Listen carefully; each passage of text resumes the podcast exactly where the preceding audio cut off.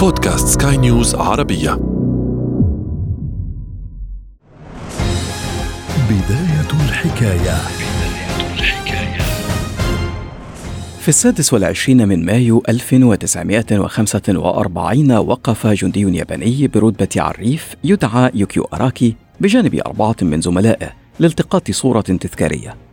كان يوكيو يمسك في يديه جروا صغيرا وكان الجنود اليابانيون الخمسة يبتسمون في الصورة. في اليوم التالي مباشرة قاد يوكيو طائرته في هجوم انتحاري على سفن أمريكية بالقرب من أوكيناوا. كان يوكيو يعلم أنه ذاهب في رحلة في اتجاه واحد. رحلة لن يعود منها. سيستخدم من نفسه سلاحا لتدمير قوات العدو. وكان عمر يوكيو 17 عاما فقط. وفي أكتوبر من 2022 وخلال الحرب في أوكرانيا أمطرت روسيا العاصمة الأوكرانية كييف ومنطقة سومي بعشرات الهجمات. كانت هجمات في اتجاه واحد. طائرات تدمر أهدافها في مهمات انتحارية مدمرة. مهمات استلهمت من الهجمات اليابانية في الحرب العالمية الثانية. تقوم بها طائرات تعرف باسم رياح الآلهة أو الكاميكازي. هذا أنا عمرو جميل أحييكم. وأنتم تستمعون إلى بودكاست بداية الحكاية. بداية الحكاية. في عام 1944 كانت اليابان تتعرض لخسائر قاسية خلال الحرب العالمية الثانية. وكان الوضع الياباني في حكم الميؤوس منه بعد أن تلقى الجيش الإمبراطوري سلسلة هزائم ساحقة.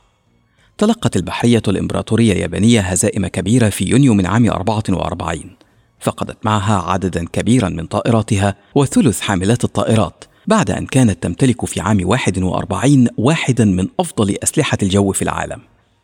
أدرك اليابانيون أن الحرب تميل بشدة بعكس صالحهم خاصة مع فقدان معظم قوتهم الضاربة. وهنا قرروا استغلال ما تبقى من قوتهم المادية والبشرية في تحويلها إلى أسلحة مدمرة.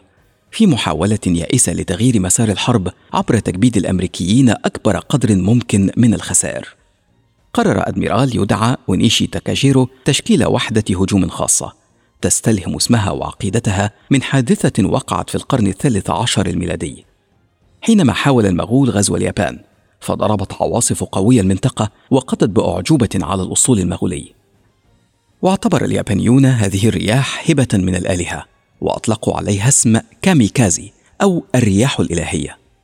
وكما كانت الكاميكازي معجزة أنقذت اليابان من الغزو المغولي قرر اليابانيون استلهام التجربة بتحويل تلك الرياح الإلهية إلى غارات بشرية يقودها مقاتلون على استعداد للموت. شكل اليابانيون فرقة من متطوعين انتحاريين على استعداد للقيام بمهمات في اتجاه واحد فقط. ويكون هدفها الاصطدام بالأهداف الأمريكية لأحداث أكبر قدر من التدمير المادي والبشري. وخلال تلك المهمة اليائسة لوقف تقدم الحلفاء استخدم اليابانيون أكثر من 1300 طائرة للاصطدام بسفن الحلفاء. نجحت في إغراق 34 سفينة وألحقت أضرارا بمئات أخرى خلال الحرب وقتلت نحو خمسة آلاف جندي من الحلفاء. الغريب أن الاسم الذي منحه اليابانيون للطائرات التي استخدمت في تلك الهجمات هو أوكا أو أزهار الكرز فيما أطلق عليها الأمريكيون اسم باكا أو الأحمق. ومع الخسائر الفادحة التي تسببت بها هجمات الكاميكازي وضع الأمريكيون مدمرات حول السفن الرئيسية. ووجهوا بطاريات المدمرات المضادة للطائرات ضد الكاميكازي أثناء اقترابهم من السفن الكبيرة. برغم كل الهجمات الانتحارية والمحاولات اليائسة لم يمنع ذلك قوات الحلفاء من الاستيلاء على الفلبين وإيوجيما وإيكوناوا. وواصلوا بعدها التقدم وكانت اليابان على وشك الاستسلام حتى قبل أن تضربها أمريكا بقنبلتين نوويتين. وهو الأمر الذي بقي محل جدل فيما إذا كان الأمريكيون قد لجأوا إلى السلاح النووي لإنهاء الحرب أم لتخويف السوفيت وكنت قد تحدثت عنه من قبل في حلقة ماذا لو اندلعت حرب نووية؟ برغم فشل هجمات الكاميكازي خلال الحرب العالمية الثانية وخسارة اليابان للحرب في النهاية لكن بقيت الفكرة موجودة عند العسكريين. في استخدام طائرات يمكنها شن هجمات انتحارية ولكن من دون خسارة عنصر بشري. وكانت تلك ما سيعرف لاحقا بالمسيرات أو الدرونز. في الواقع أن اليابانيين كما استخدموا طائرات انتحارية في هجمات الكاميكازي حاولت القوى الأخرى خلال الحرب العالمية الثانية استخدام طائرات ولكنها مسيرة وبدون طيارين. حاول الأمريكيون والألمان تطوير مثل هذه الطائرات، لكنها لم تحقق فارقا كبيرا في الحرب. ومع ذلك وخلال الحرب الباردة مع الاتحاد السوفيتي تعرض الأمريكيون لضربة موجعة حينما أسقط السوفيت طائرة استطلاع وتجسس من طراز يو 2 فوق الأراضي السوفيتية وأسروا قائدها في عام 1960 ودفع ذلك بالأمريكيين إلى إعادة إطلاق مشروع المسيرات أو الدرونز من جديد وخلال تلك الفترة من الستينيات وحتى الآن عملت الجيوش في أنحاء عديدة من العالم على تطوير طائرات مسيرة يمكنها ضرب أهداف معادية أو حتى عبر الاصطدام بها وتفجيرها. وتقريبا لم تخلو حرب من اختبار هذه المسيرات. من حرب فيتنام إلى القيام بمهام تجسس أثناء الحرب الباردة واستخدام إسرائيل للدرونز في التجسس على مصر قبل وخلال حرب أكتوبر وصولا إلى الحرب في لبنان وأفغانستان والعراق ثم في ليبيا وسوريا.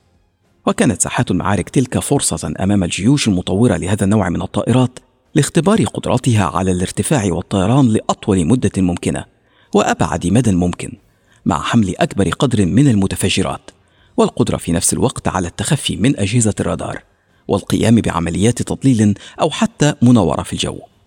ومع الوقت تحولت المسيرات إلى سلاح مرعب قادر على تغيير موازين المعركة حدث ذلك في قلب سير معارك في ليبيا وفي إثيوبيا وفي الصراع بين أرمينيا وأذربيجان ومؤخرا خلال الحرب في أوكرانيا. استخدمها الأوكرانيون بكثافة للتصدي للهجوم الروسي بعد التقدم الروسي السريع في بداية الحرب وألحق ذلك خسائر كبيرة بالقوات الروسية. حتى إن عسكريين أوكرانيين تغنوا بتلك الطائرات وقدرتها على مواجهة التقدم الروسي.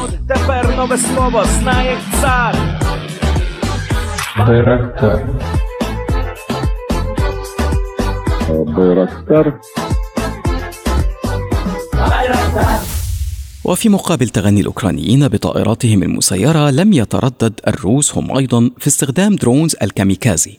واستخدموا العشرات منها في شن ضربات موجعة على الأهداف الأوكرانية. أصبحت درونز الكاميكازي تعرف في ساحات المعارك باسم الذخيرة المتسكعة. تكلفتها المادية والبشرية أقل كثيرا من المقاتلات التقليدية والتحكم بها أكثر سهولة من التحكم في صواريخ كروز.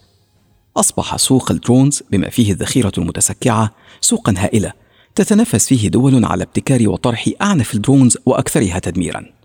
ولم تعد الكاميكازي تستخدم في الحروب فقط بل دخلت إلى سوق الاغتيالات. تعرض رئيس فنزويلا نيكولاس مادورو لمحاولة اغتيال بطائرة درونز أحبطها أمنه في اللحظة الأخيرة.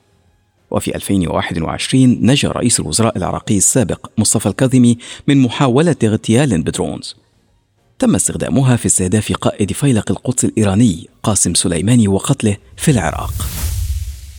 الآن أصبحت الذخيرة المتسكعة سلاحا فتاكا تستخدمه الدول والجماعات الانفصالية وحتى الإرهابية في القيام بعملها فهي أرخص ثمنا وأسهل في إدارتها والحصول عليها وتفخيخها من المقاتلات التقليدية. أصبحت كميكازي العصر قادرة على أن تحقق ما فشلت في تحقيقه. رياح الآلهة اليابانية. بداية الحكاية. بداية الحكاية.